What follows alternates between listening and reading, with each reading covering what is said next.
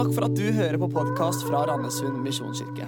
Denne talen er spilt inn på en av våre gudstjenester, og vår visjon er å hjelpe mennesker til tro på Jesus og et liv med Han. Gå inn på mkirken.no eller Randesund misjonskirke på Facebook for mer info.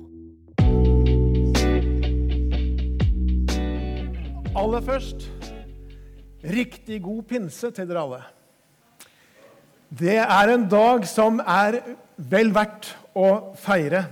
Så Derfor vi flagger ute, vi er samla her. Dere som kjenner meg, vet at jeg liker ikke så veldig godt å gå i dress, men i dag tenkte jeg må ha på meg dress. For det er virkelig grunn til å feire og markere. Grunn til å glede oss over at Den hellige ånd har kommet. Selv om dette ikke er kanskje av de kristne høytider som eh, folk flest har så lett for å forstå. Jul og påske det er ganske mange som vet hvorfor Kirken feirer det. En undersøkelse for noen få år siden viste at bare 27% av Norges befolkning visste hvorfor vi feira pinse. Og av disse så var over halvparten over 60 år. De er sikkert 65 i dag. eller noe sånt nå. Men det sier kanskje noe om at dette som har med pinse, åndens komme, ikke lenger er en del, i hvert fall en like stor del av allmennkunnskapen. Og så tenkte jeg Selv for oss som er menighetsaktive, så kan jo det som har med Den hellige ånd å gjøre, kanskje være litt mer krevende enn andre ting i troen. Altså at Gud Fader skaper Jesus som frelser. Det er, liksom, det er litt enklere kanskje både å forholde seg til, forstå og i hvert fall formidle til andre. Mens det som har med ånden, åndens liv, ja, det er litt mer krevende, litt mer vanskelig. Det åndelige kan fort bli noe for noen få, de spesielt interesserte, de med liksom en sånn legning at det passer inn. Og Kanskje til og med noen kjenner at dette er litt krevende. At man har opplevd grenseoverskridende åndelighet, kanskje. Eller at man har opplevd skuffelse på det området som liksom har satt seg fast. og sånn sett så, så blir det alltid litt vanskelig når det der tematiseres. Derfor så har vi, som Mats sa, en taleserie disse søndagene som vi har kalt 'Overnaturlig livet i Den hellige ånd'. Og For to søndager siden så talte jeg om hvordan Ånden virker på oss faktisk før vi tar imot Jesus. Det er Den hellige ånd som trekker oss til Gud, sånn at vi kjenner at vi blir kalla på, eller en lengsel etter å bli kjent med Ham. Og Den hellige ånd virker i oss. Vi har fått Den hellige ånd som talsmann, som veileder oss, som åpenbarer ordet for oss, som taler inn i våre liv. Og så sa jeg det at Jesus han sier et sted om dere som tror, dere kjenner Han. Dere kjenner Ånden. Og Litt av min utfordring til forsamlingen var ja, så kjenn etter, da, om du kjenner Han. Kjenn etter om du kjenner at Han er der og virker. For det er faktisk noe med det, det vi blir på en måte oppmerksomme på. Det, det gir vi verdi og det vi på en måte får et språk på, sånn at vi kan si ja, kanskje var det Den hellige ånd som minna meg, ja, da på en måte begynner vi å bli bevisst noen ting. Og det vi blir, gir verdi og blir bevisst på, ja, det kan vi vokse i. Det var noe av det som var min oppmuntring til forsamlingen den søndagen. Og Sist søndag, som dere har hørt kanskje, så var det Daniel som besøkte oss. Og Daniel han fortalte veldig konkret om hvordan han blir leda av Den hellige ånd i sin tjeneste. Eh, og det gjorde inntrykk å høre hans vandring med Gud og med Den hellige ånd i sitt liv. Og I dag så fortsetter vi denne taleserien, og da er temaet 'Fylt av Ånden'. Fylt av Ånden. Eh, og Vi skal hente teksten fra Apostelens gjerninger, kapittel 2, og vers 1-6. Og Dette er jo den teksten som virkelig beskriver det som skjedde på pinsedag. Det er jo nesten den obligatoriske teksten å lese på en første pinsedag. Men når vi møter disiplene her på pinsedag, så er det altså 50 dager. Pinse betyr bare 50. Det er 50 dager etter Jesu oppstandelse, etter påsken. Det er ti dager etter Kristi himmelfartsdag, og disiplene får beskjed om at de skal vente i byen, i Jerusalem. De skal vente på ånden som Jesus har lovet. Og så venter de og venter og venter, og så står det Da pinsedag kom, var alle samlet på ett sted. Plutselig lød det fra himmelen som når en kraftig vind blåser, og lyden fylte hele huset hvor de satt. Tunger som av ild viste seg for dem, delte seg og satte seg på hver enkelt av dem. Da ble de alle fylt av Den hellige ånd, og de begynte å tale på andre språk ettersom Ånden ga dem å forkynne. I Jerusalem bodde det fromme jøder fra alle folkeslag under himmelen. En stor folkemengde stimlet sammen da de hørte denne lyden, og det ble stor forvirring, for hver enkelt hørte sitt eget morsmål bli talt. Skal vi be om at Gud åpenbarer ordet for oss. Himmelske Far, jeg takker deg for at du har gitt oss av ditt ord. Takk at vi kan få lov til å bli opplyst, at vi kan lære, at vi kan se og forstå det som er din plan og din vei og din vilje, også for våre liv. Og Vi ber om at Den hellige ånd, som er her, nærværende, skal åpenbare ordet for den enkelte av oss, sånn at vi kan skjønne, forstå hva dette ordet kan bety i våre liv i dag. Vi ber om det i ditt navn. Amen. Denne helgen så er det nettopp dette som vi leser om her, som vi feirer. Og Mitt første punkt er ganske enkelt pinse. Vi feirer det som skjedde. Da sto det de de ble alle fylt av Den hellige ånd. På pinsedag så oppfylles det løftet som Jesus hadde gitt til sine disipler. Dvs. Si løftene, for han har sagt det ganske mange ganger og på ulike måter at de skulle vente til Den hellige ånd skulle komme, sannhetens ånd. At, de, at Faderen skulle sende en annen talsmann, en hjelper, en veileder som skulle være med dem for alltid. Og Jesus han lovet at de skulle få kraft når Den hellige ånd kom over dem, og de får også beskjed om å vente i byen til de blir utrusta med denne kraften. Igjen og igjen gjennom evangeliet så ser vi hvordan Jesus mange steder på ulik måte på en måte kommer med dette løftet. Det skal komme, Den hellige ånd skal komme. Og På pinsedag så er alle samla. I den teksten som vi leste, så sto det. Og mens de er samlet, så skjer det noe. Plutselig skjer det, og de både hører, og de ser, og de erfarer. De hører en lyd. Det sto at når som en kraftig vind blåser. De ser tunger, liksom av ild, som setter seg på hver enkelt av dem. Og så gjør de den samme erfaringen. Det står alle ble fylt av Den hellige ånd. Så det som skjer, er jo en, akkurat en oppfyllelse av det løftet som Jesus har gitt. eller de løftene som Jesus har gitt. Det er Ånden som kommer over dem. Det er talsmannen, hjelperen, som kommer. De blir utrusta med kraft fra det høye. Og dette er viktig, for det her betyr at en ny tid begynner. Pinsedag representerer en ny tid hvor Guds ånd, Den hellige ånd, er i og over Guds folk på en helt ny måte. Jo da, Vi kan i Det gamle testamentet lese hvordan Den hellige ånd kom over enkelt utvalgte mennesker for en lengre eller kortere periode. Men nå, nå kommer Guds ånd over alt Guds folk, alle som tror. Pinsedag representerer et paradigmeskifte i hvordan vi som tror, kan relatere til Gud. Og Derfor er det virkelig gode grunner til å feire det som vi her leser om. Og så var det ikke bare en oppfyllelse av Jesu løfter til disiplene. Nei, dette er faktisk en oppfyllelse av de gamle testamentlige profetene også. Profeter som Esekel, som Joel. Ja, De så fram mot en dag der framme hvor ting skulle bli annerledes enn det de erfarte. Og de tenkte en dag, en dag der framme så kommer ting til å bli annerledes. For de levde i en vanskelig tid. De, eh, Israel, Guds folk, vendte seg igjen og igjen bort ifra Gud. Det var, det var krevende. De, de, holdt ikke hans eh, lover, hans forskrifter, og de gjorde, gjorde avskyelige ting. Til tross for at Gud hadde redda dem ut ifra Egypt.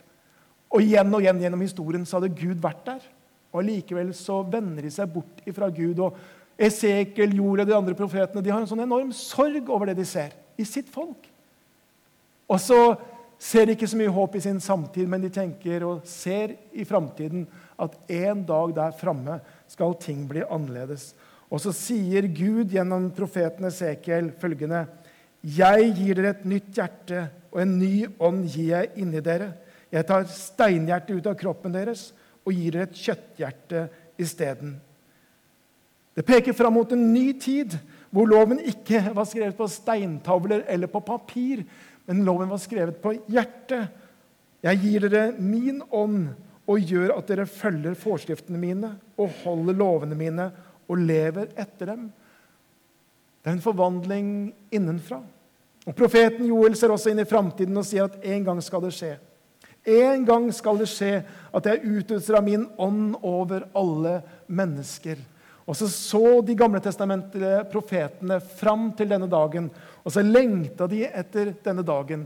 Og I sin egen samtid så var det ikke så mye de kunne håpe på, men i tro så holdt de fast på at en dag, en dag skal ting bli helt annerledes. Og så er det det som skjer på pinsedag. På pinsedag så er det en ny tid som bryter inn. Det blir noe helt annerledes. Det blir noe helt nytt. Og Når Peter på pinsedag skal forklare det som har skjedd, så peker Peter nettopp tilbake til disse profetiene. Han sier, men her skjer det som er sagt gjennom profeten Joel. I de siste dager skal det skje, sier Gud, at jeg utøser min ånd over alle mennesker. Deres sønner og deres døtre skal profetere. De unge skal se syner, og de gamle skal drømme drømmer.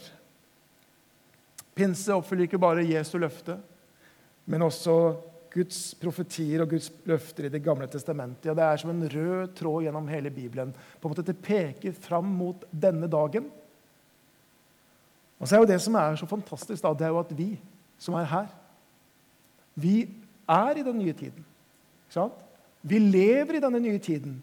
Denne nye tidsalderen som, som de gamle testamentlige profetene bare kunne liksom lengte etter. Og tenke å, tenk hvis vi hadde vært med der. Og så får vi lov til å leve i den tiden. Vi får lov til å erfare nettopp dette at Gud ved sin ånd kommer nær oss på en helt ny måte. Den hellige ånd i oss og over oss. Og Så kan vi se tilbake og vite det, at ja, det tok ganske mange hundre år fra Joel og Esekel profeterte men Gud han står ved sine løfter. Og Så så ikke de det oppfylt i sin levetid, men så kan vi se tilbake og si at ja, det tok noen hundre år. Men Gud han står ved sitt løfte. Det er en ny tid som vi får lov til å leve i. og jeg tenker Det er, det er jammen god grunn til å feire pinse. altså. Virkelig. For disiplene så betyr pinse en sånn umiddelbar forandring. Eh, fra å være en gruppe motløse, eh, redde disipler, så står de fram etter pinsedag med en helt ny frimodighet. Enormt eh, skifte som skjer her. Og Ikke minst så ser vi det hos Peter. Bare tenk på han. Han var så livredd når Jesus ble ført og uh, arrestert. At når han er der i denne måte, gården, gårdsplassen og han blir utfordra ei tjenestejente ja, Var ikke du også en av de som var med Jesus? Så fornekter han og banner på at han ikke kjenner Jesus. Han er så engstelig, han er så redd. Og så plutselig så ser vi han her, hvor han står fram på Jerusalems torg. Det er bare 50 dager siden Jesus ble korsfesta. Og så er han så frimodig, og så sier han bl.a. i sin tale Jesus som dere, eller denne Jesus som dere korsfestet, sier han, har Gud gjort både til Herre og Messias. Denne Jesus som dere korsfestet. Ja, jeg tror ikke han var i den timen hvor det er snakk om å tale på en ikke-støtende måte. Det er ganske støtende, det han sier her. Jesus som dere korsfestet. Det er en helt annen frimodighet hos Peter. Og så Noen dager etterpå så er han for Det høye råd. De samme jødiske ledere som hadde fått Jesus henretta for blasfemi. Og Så står han foran de, og så sier han følgende Det er ikke frelse i noe annet navn enn Jesus. Ja, Det er en ganske annen versjon av Peter vi møter her enn han som var redd, og som fornekta, og som etter at Jesus er død, reiser tilbake igjen til eh, fiskeryrket. Det er en ganske annen type vi har her å gjøre med. Pinse forandret disippelflokken. Det er på en måte som natt blir dag hos de. Uten pinse så hadde det knapt vært noen kirke. Da hadde trolig denne lille flokken her av engstelige disipler bare gått tilbake til det de drev med før, fiskeryrket og andre ting. Men pinsen forvandler denne gruppen av unge, uutdanna, uprivilegerte menn som ikke hadde noen menneskelige ressurser eller makt i ryggen, til å bli en kraft som forvandla det romerske riket på 300 år, og som forvandla verden, og som fortsetter med å forvandle den verden vi er en del av. Det er virkelig god grunn til å feire pinse. Det var det første punktet jeg hadde. Pinse. Eh, vi feirer det som skjedde. Så jeg har lyst til å peke på en ting til, og det er dette at pinse Vi kan erfare det i eget liv. Vi kan erfare det i eget liv. Bli fylt av Ånden er det nytestamentlige oppfordring etter pinse.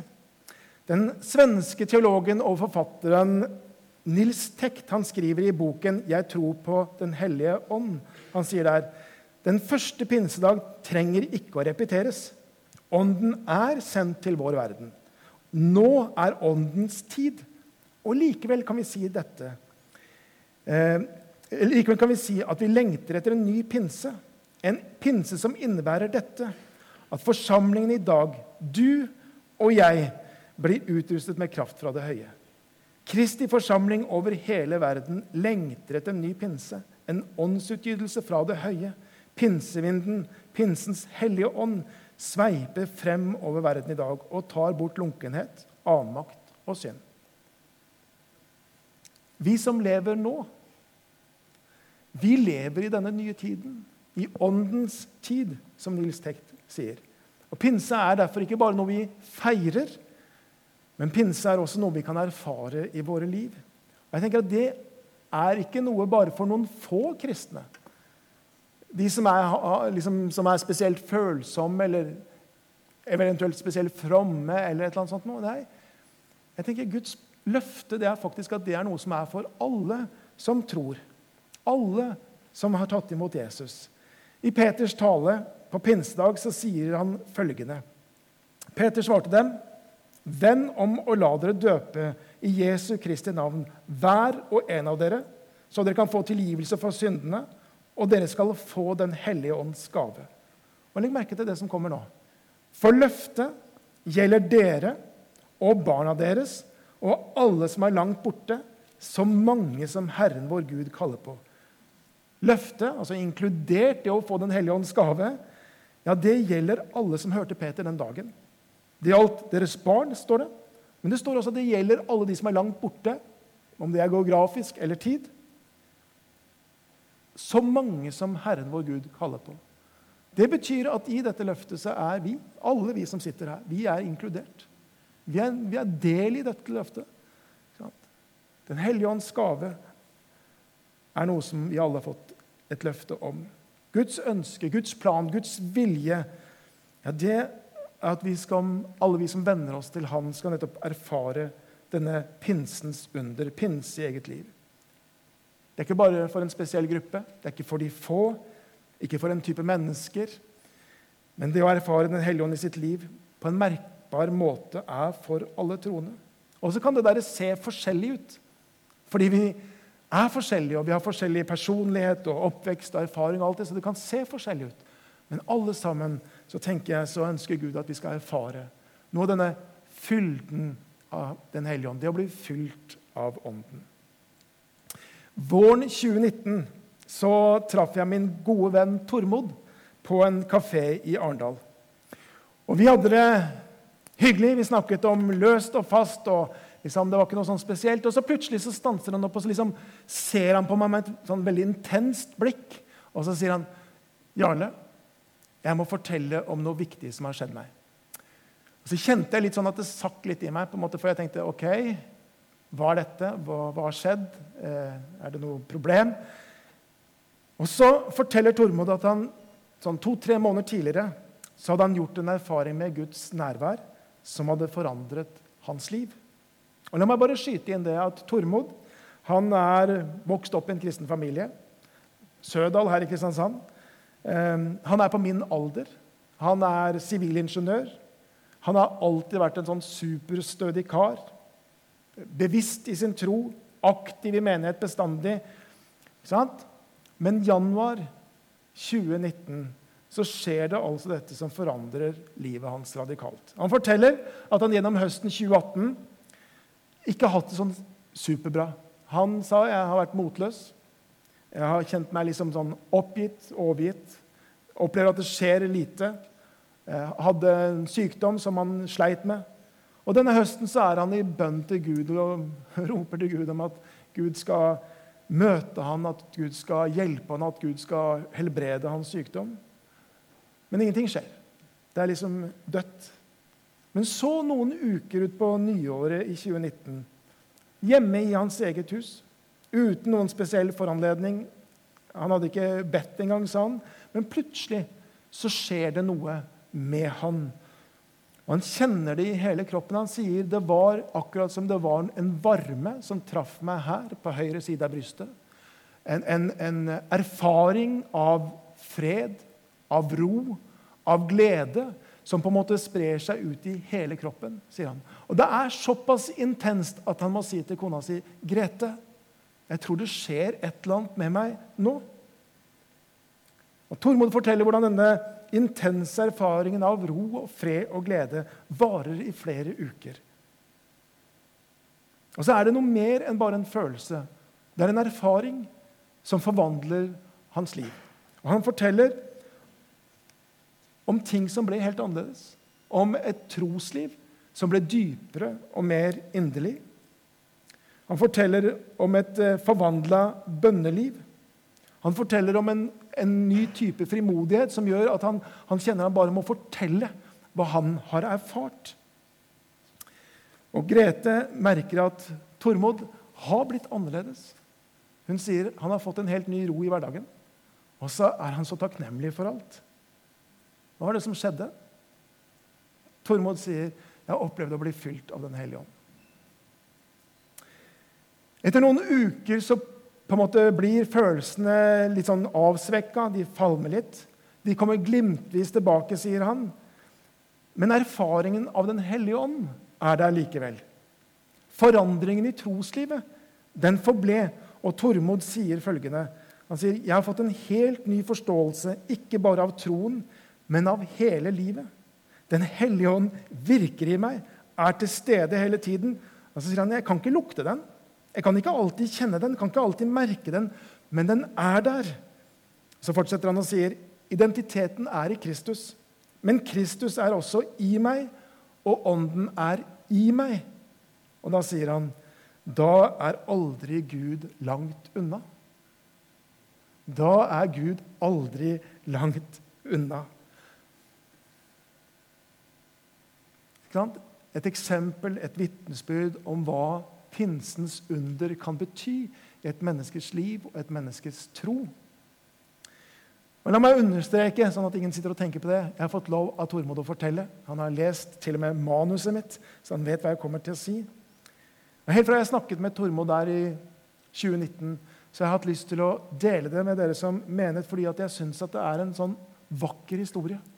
Og så tenker jeg at det er en historie som kanskje kan gi håp til eh, sånne som meg, som er midt i livet, og som eh, kanskje kan kjenne at det der med ånden det blir litt fjernt, og troslivet kan bli litt tørt. Og det har kanskje ikke skjedd så veldig mye på lenge. Så tenker jeg, Gud har alltid noe der for oss. Og Gud ønsker mer enn noe at han skal få lov til å komme til og fylle våre liv. Gi oss av Den hellige ånd. Jeg er ganske sånn praktisk av meg. Og jeg skulle sikkert ha vært snekker eller ingeniør eller et eller annet sånt. og det hadde sikkert passet mye bedre til.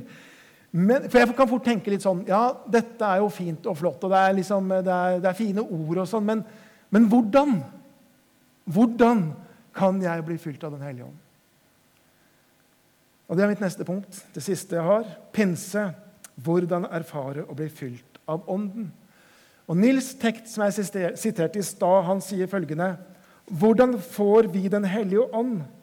Hvordan blir vi fylt av Den hellige ånd, slik at nådegavene begynner å fungere i forsamlingen, og slik at åndens frukt vokser frem i våre liv?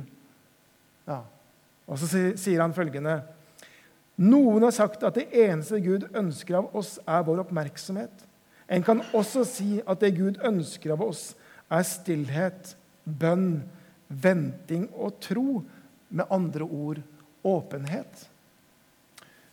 For å bli fylt av Ånden, ja, det er et genuint Guds verk i oss og med oss. Det er ingenting man kan mane fram, ingenting man kan på en måte finne en eller annen teknikk, og så skjer det noe. Men det er Gud som handler. Men det vi kan, det er å gi Gud vår oppmerksomhet. Det vi kan, det er å stille oss åpne for Han, sånn at Han kan komme til med det som Gud vil. Jeg har lyst til at Vi kan se litt på pinsedag, og så skal vi se om vi finner noen sånne kanskje hint der om hvordan vi kan nettopp stille oss åpne. Og Det første vi skal ta med oss fra pinsedag, det er at når pinsedag da kom over de 120 som var samlet i Jerusalem, så kom de over en forsamling som var ventende og lengtende. Det står i vår tekst følgende Plutselig lød det fra himmelen. Og pinsedag kommer på en måte sånn. Plutselig så skjer det. Men det kom ikke uventa. Ser du forskjellen? Det var, en, det var noe som han venta på. Fordi de var der, og de var samla. Og hva var det de gjorde? Jo, de ventet på at Ånden skulle komme. Jesus hadde jo sagt det. Jeg sender over dere det som min far har lovet, men dere skal bli i byen til dere blir utrusta med kraft fra det høye. Den, det var grunnen til at de var der. De var der og ventet og ventet. Og Så holder disiplene fast på løftet. De hadde en teologi og en grunnleggende gudsforståelse som, gjorde det at, de, at, Gud har lovet. Da kommer det til å skje. Så vi er her, og vi venter. Og på pinsedag så kommer Den hellige ånd over dem. En lengtende og ventende flokk. Og så snakker vi ikke her om den type venting som noen gjør, hvor man sier til Gud Gud, nå gir jeg deg én time. Starter nå. 60 minutter. Og hvis ikke du har svart meg innen de 60 minuttene har gått, ja, så på en måte, da stoler jeg ikke på deg. Ja? Noen har kanskje gjort noe à la noe sånt noe. Så tenker jeg, Men det er jo en bønn Gud umulig kan svare på. Hvorfor? Jo, for Hva er det som skjer der? Jo, da er det plutselig jeg som skal kontrollere Gud. Det er jeg som skal mane fram at et eller annet skjer.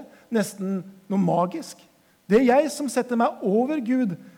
Så jeg tenker Gud kan umulig svare den bønnen og slik lære meg at det er ok. Så det blir stille, det. Det er ikke den ventingen vi snakker om. Men hvilken venting er det? Jo, det er den ventingen hvor vi sier til Gud, 'Gud, her er jeg.' Og så vet du alt, og så er jeg åpen for det du har å gi meg i din time, på din måte, sånn som du ser at det på en måte tjener. Og så overgir jeg mitt liv hos deg. Ja? Det er den ventingen vi snakker på. Og så plutselig, for det er ofte uventa da, så kan Gud komme til. Det andre jeg har lyst til å peke på, er dette som understrekes i teksten, at på pinsedag så var de samlet alle på ett sted. Når vi leser om de første kristne apostlenes gjerninger, som ble fylt av Den hellige ånd, ja, så skjer det veldig ofte når, når de var sammen. Når de var samlet som en forsamling. Det står flere steder. Og de ble igjen fylt av Den hellige ånd. kan vi lese flere steder. Men det var når de var sammen. For selv om Den hellige ånd er gitt til den enkelte av oss og kan møte oss og kan fylle oss når vi er i vårt lønnkammer eller alene eller andre steder, absolutt. Men det er noe spesielt et løfte som er gitt når menigheten kommer sammen. Da er Jesus midt iblant oss, og han er nær på en spesiell måte. Og Derfor er det sånn at mange opplever at nettopp i forsamlingen, i tilbedelsen, i en lovsangsatmosfære, på et bønnemøte, ja, så kjenner man at her kan Gud møte meg lettere enn andre steder. I Efesbrevet 5, 18-19 så står det følgende.: Drikk dere ikke fulle på vin. Det fører til utskeielser. Bli heller fylt av Ånden, og syng sammen. La salmer, hymner og åndelige sanger lyde. Syng og spill av hjertet for Herren. Og uttrykket her, som er streket under, bli heller fylt av Ånden og syng sammen, er en gresk grammatisk form som faktisk også kan oversettes sånn. Bli heller fylt av Ånden i det dere synger sammen. Det er på en måte noe spesielt som skjer når vi er sammen og synger, og vi kan kjenne det noen ganger i en forsamling. Liksom når, når lovsangen liksom tar tak, ja, så er ikke det bare suggesjon eller bare følelser, men det er også en måte for oss. Vi åpner vårt hjerte sånn at Gud kan komme til. Det tredje jeg har lyst til å peke på, det er at på pinsedag det kom egentlig praktisk talt på slutten av et ti dagers bønnemøte. For det var det de gjorde. Etter at de hadde sett Jesus fart opp til himmelen, så gikk de ned til byen. Og så står det at alle disse holdt trofast sammen i bønn. står det. De var samla der i bønn. Hva var det de ba om? Ja, Det står det ikke noe om. Men det er vel ikke ulogisk å tenke seg at noe av det de ba om, må være det at Den hellige ånd skulle komme. Det var jo det de var der og ventet på. De var der i bønn. De var utholdende i bønn, står det. Og Det tok altså ti dager mellom Kristi himmelfartsdag og pinse. Så de var egentlig samlet der i ti dager før det skjer noen ting. Jeg vet ikke om du syns det er kort eller lang tid fra Kristi himmelfartsdag til pinse. Eh, I år syns jeg det gikk rasende fort. Vips, så var vi der. Men tenk deg at du er, på, du, du er liksom der menigheten er samla i bønn. Hvor lenge skal det vare? Nei, Det vet vi ikke. Men vi er samla første dag, så ber vi. Det skjedde ingenting. Og Så kom vi sammen dag to. Fortsatt optimistisk at det skal skje noen ting. Nei, det skjedde ikke noe den dagen heller. Men på den tredje dagen så er virkelig forventningene skrudd opp, for det er jo alltid på den tredje dagen at det skjer. Men det skjer ingenting. Da kan man jo fort bli litt sånn motløs og gi opp litt. Så går det fire dager, fem dager. Men disse ga ikke opp. Det står at alle som var sammen der på pinsedag, alle sammen. Så jeg tenker jeg er utrolig bra at de ikke ga opp den niende dagen. Men at de holdt ut helt til pinsedag. Og så vet vi at nettopp da kom svaret, og da kom Ånden. Når vi opplever Den hellige ånds fylde i våre liv, så er det ofte forbundet med lengre eller kortere tid hvor vi har vært i bønn og søking. For det er noe av det som ikke bare har vi en relasjon til Gud med det, men det åpner våre hjerter og våre liv for det som Gud har å gjøre. Så om du lengter etter en ny pinse i ditt liv, en ny fylde av Ånden, så kan vi aldri kontrollere, aldri mane eller styre Gud. Men Gud trenger vår åpenhet. Gud trenger vår mottagelighet. For Gud presser seg aldri på. Han er ikke sånn som liksom tar kontrollen fra deg. Du må ha denne åpenheten til Gud. Og i det så kan nettopp disse stikkordene vente, lengte, menighetsfellesskap, bønn være sånne stikkord som kan hjelpe oss inn i denne åpenheten. Helt til slutt. For eh, en god del år siden så deltok jeg på en konferanse sammen med Eh, internasjonale søsterkirker til Misjonskirken Norge. Eh, og så var det en, Et av innleggene der var fra en presidenten i den kongolesiske kirken. Og Han fortalte om erfaringer fra menighetsliv i Kongo. Han fortalte om at mennesker ble frelst i ganske stort antall. Han fortalte om at mennesker ble satt i frihet, om helbredelser, om erfaringer med Den hellige ånd. Og Etter dette innlegget så var det spørsmål fra salen, og et av disse spørsmålene ble Suami, som han heter, som hadde studert teologi i Frankrike, spurt om han fra sitt ståsted kunne si noe om på en måte, hva er forskjellen her mellom afrikansk kristendom og europeisk kristendom. Eh, afrikansk kristendom er så levende, så sterk og voksende, og Vestens kristendom er tilsvarende åndsfattig og taper stadig terreng. Og Så svarer Suami følgende. han har med seg en flaske opp. Og Så sier han følgende Du har to flasker. sier han. Den ene den er full. Den andre den er tom. Hvis du skal fylle på disse flaskene, ja, så vil du med ganske letthet fylle i den tomme flasken. Men den som allerede er full, ja, der får du lite eller ingenting oppi.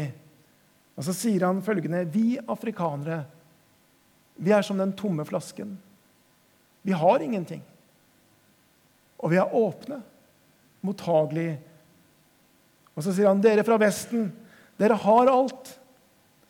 'Dere vet alt. Dere kan alt.' Og så lar han det bare henge der.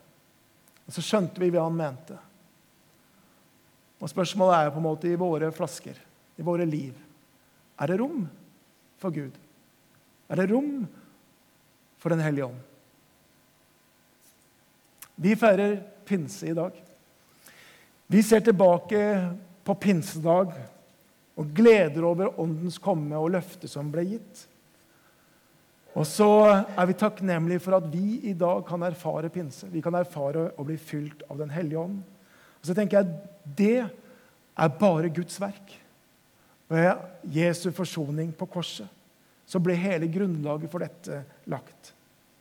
Og Samtidig fordi Gud aldri presser seg på, og Ånden kommer aldri til å ta kontrollen fra oss, så trenger vi å stille oss åpne for Gud og være mottagelig, sånn at Han kan komme til. Som en har sagt det, å bli fylt av Ånden er ikke så mye at jeg får mer av Ånden, men at Ånden får mer av meg. skal vi be. Himmelske Far, jeg takker deg for at du sendte Ånden, og takk, Herre, for at vi får lov til å leve i en tid hvor Ånden har kommet. Vi trenger ikke som de gamle testamentlige gudsfolk å se fram og lengte mot den dagen.